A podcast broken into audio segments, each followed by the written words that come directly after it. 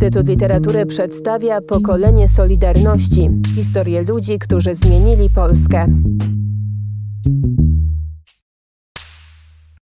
Pierwsze strajki w Ursusie rozpoczęły się w lipcu 80 roku.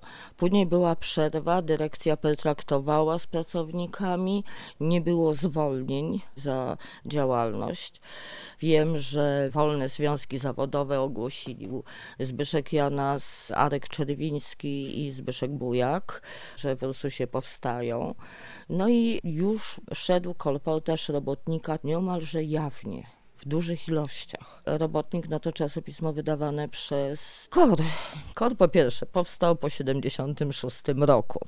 Pomagali bardzo ludziom, którzy byli represjonowani, którzy zostali pozbawieni pracy i wielką, wielką robotę zrobili. KOR był organizacją jawną, ale nielegalną. takie są absurdy. Jawną, no bo każdy wiedział i mógł znaleźć na wszystkich komunikatach koru imiona, nazwiska, adresy i ich numery telefonów. I właściwie od y, chwili powstania we wrześniu koru, no to zaczęły się pierwsze kontakty, ale takiego typowego środowiska korowskiego u nas w Ursusie nie było. Ursus to robociarskie miasto. Gro ludzi to była napływowych ze wsi. Przychodzili, żeby mieć miejsce pracy. To nie było środowisko inteligenckie. Nie było tutaj oddziału koru. Były kontakty z korem, ale te kontakty polegały na tym, że gdy odwiedzali ludzi represjonowanych po 76 roku, nawiązywały się kontakty. Niektórzy się bali, inni nie. Znam kilka osób w Ursusie, które właśnie po 76 roku pomagały, rozprowadzały komunikaty koru robotnika, ale to nie było coś powszechnego. Do Ursusa przyjeżdżał Macierewicz i Naimski. I tu muszę im oddać, że zrobili bardzo dużo w tamtym okresie, bo trochę się nie zgadzam z nimi w tej chwili, że tak powiem, ale nikt nie może im odmówić tego, że byli członkami koru i oni właściwie interesowali się Ursusem bo Mirek Chojecki miał radą. A później, gdy zaczęła się Solidarność, to inteligencja pchała się do Ursusa, że tak powiem, szeroko, bo organizowaliśmy dwa razy w tygodniu, my jako Komisja Kultury, spotkania w Domu Kultury, na które właściwie zapraszano z każdym tematem, bo ludzie chcieli wiedzieć wszystko. Chcieli zobaczyć od twórców Człowieka z żelaza, Wajdę, Zachwatowi, chcieli posłuchać profesora Achmatowicza. Różnorodność była duża, bo były i problemy społeczne. Raz w tygodniu były takie sesje o problemach społecznych i o kulturze i o bieżących sprawach. Także tam kwitło życie. Był kalendarz i nie było problemu, żeby go wypełnić. Chodziło tylko, żeby sala była wolna, a przychodziło i po kilkaset osób na takie spotkania. Chodzi o to, że ludzie byli ciekawi, chcieli wiedzieć, chcieli zobaczyć, chcieli posłuchać, chcieli się nauczyć czegoś bo o Katyniu szeptano, ale nie mówiono. I tak było w wielu, wielu sprawach. Tu y, ludzie chcieli po prostu wiedzy, takiej prawdziwej bo wiemy, jak działała cenzura. W tym czasie istniała w Ursusie Wszechnica Robotnicza i wydawaliśmy takie broszury na temat, e, czym jest związek zawodowy, jak powinien działać samorząd terytorialny, jakie prawa ma pracownik, co wolno, a co nie wolno pracodawcy. Także ludzie chcieli wiedzieć. Zainteresowanie ludzi było przeogromne.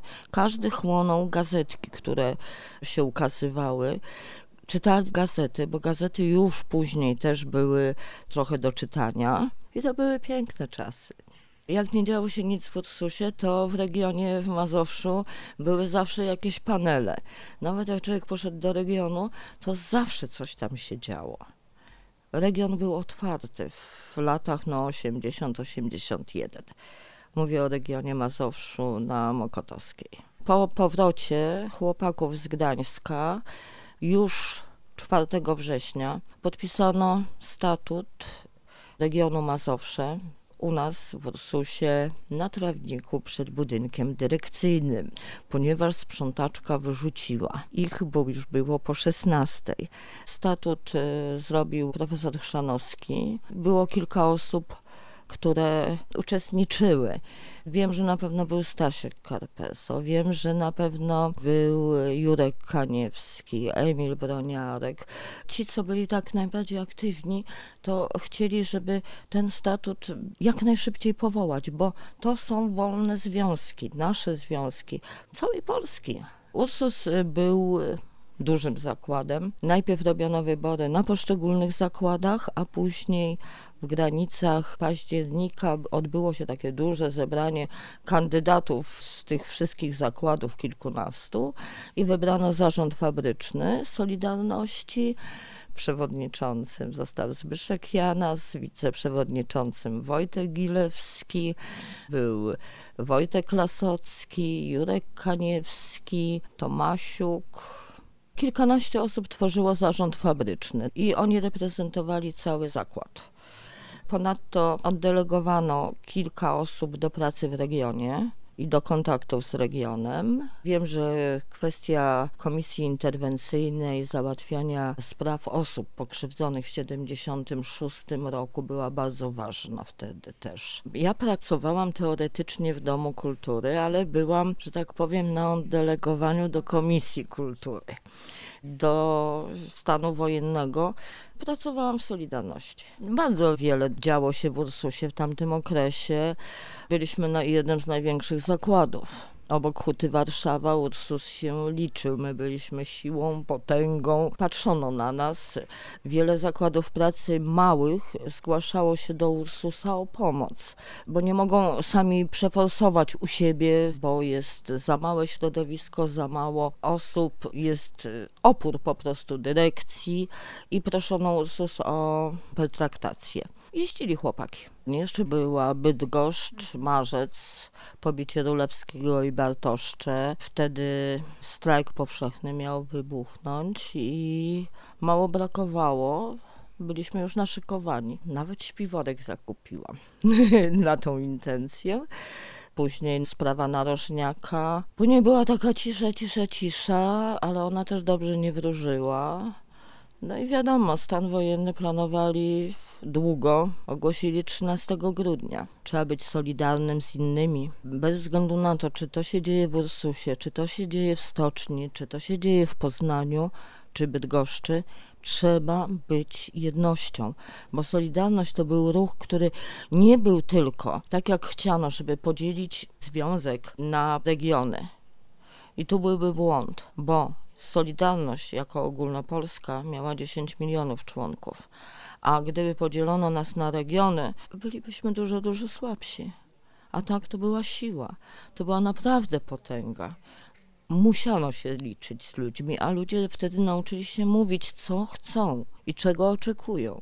Gdy podpisano porozumienia, wszyscy się cieszyli bo okazało się, że władza się poddała. My zwyciężyliśmy, my byliśmy górą i to był wielki entuzjazm. Nikt nie myślał o tym, co będzie później. Każdy uważał, że jest bardzo dobrze, że podpisano te porozumienia, że to jest ogólnopolskie, tak jak y, Wałęsa, jak była rejestracja Solidarności, że jesteśmy siłą.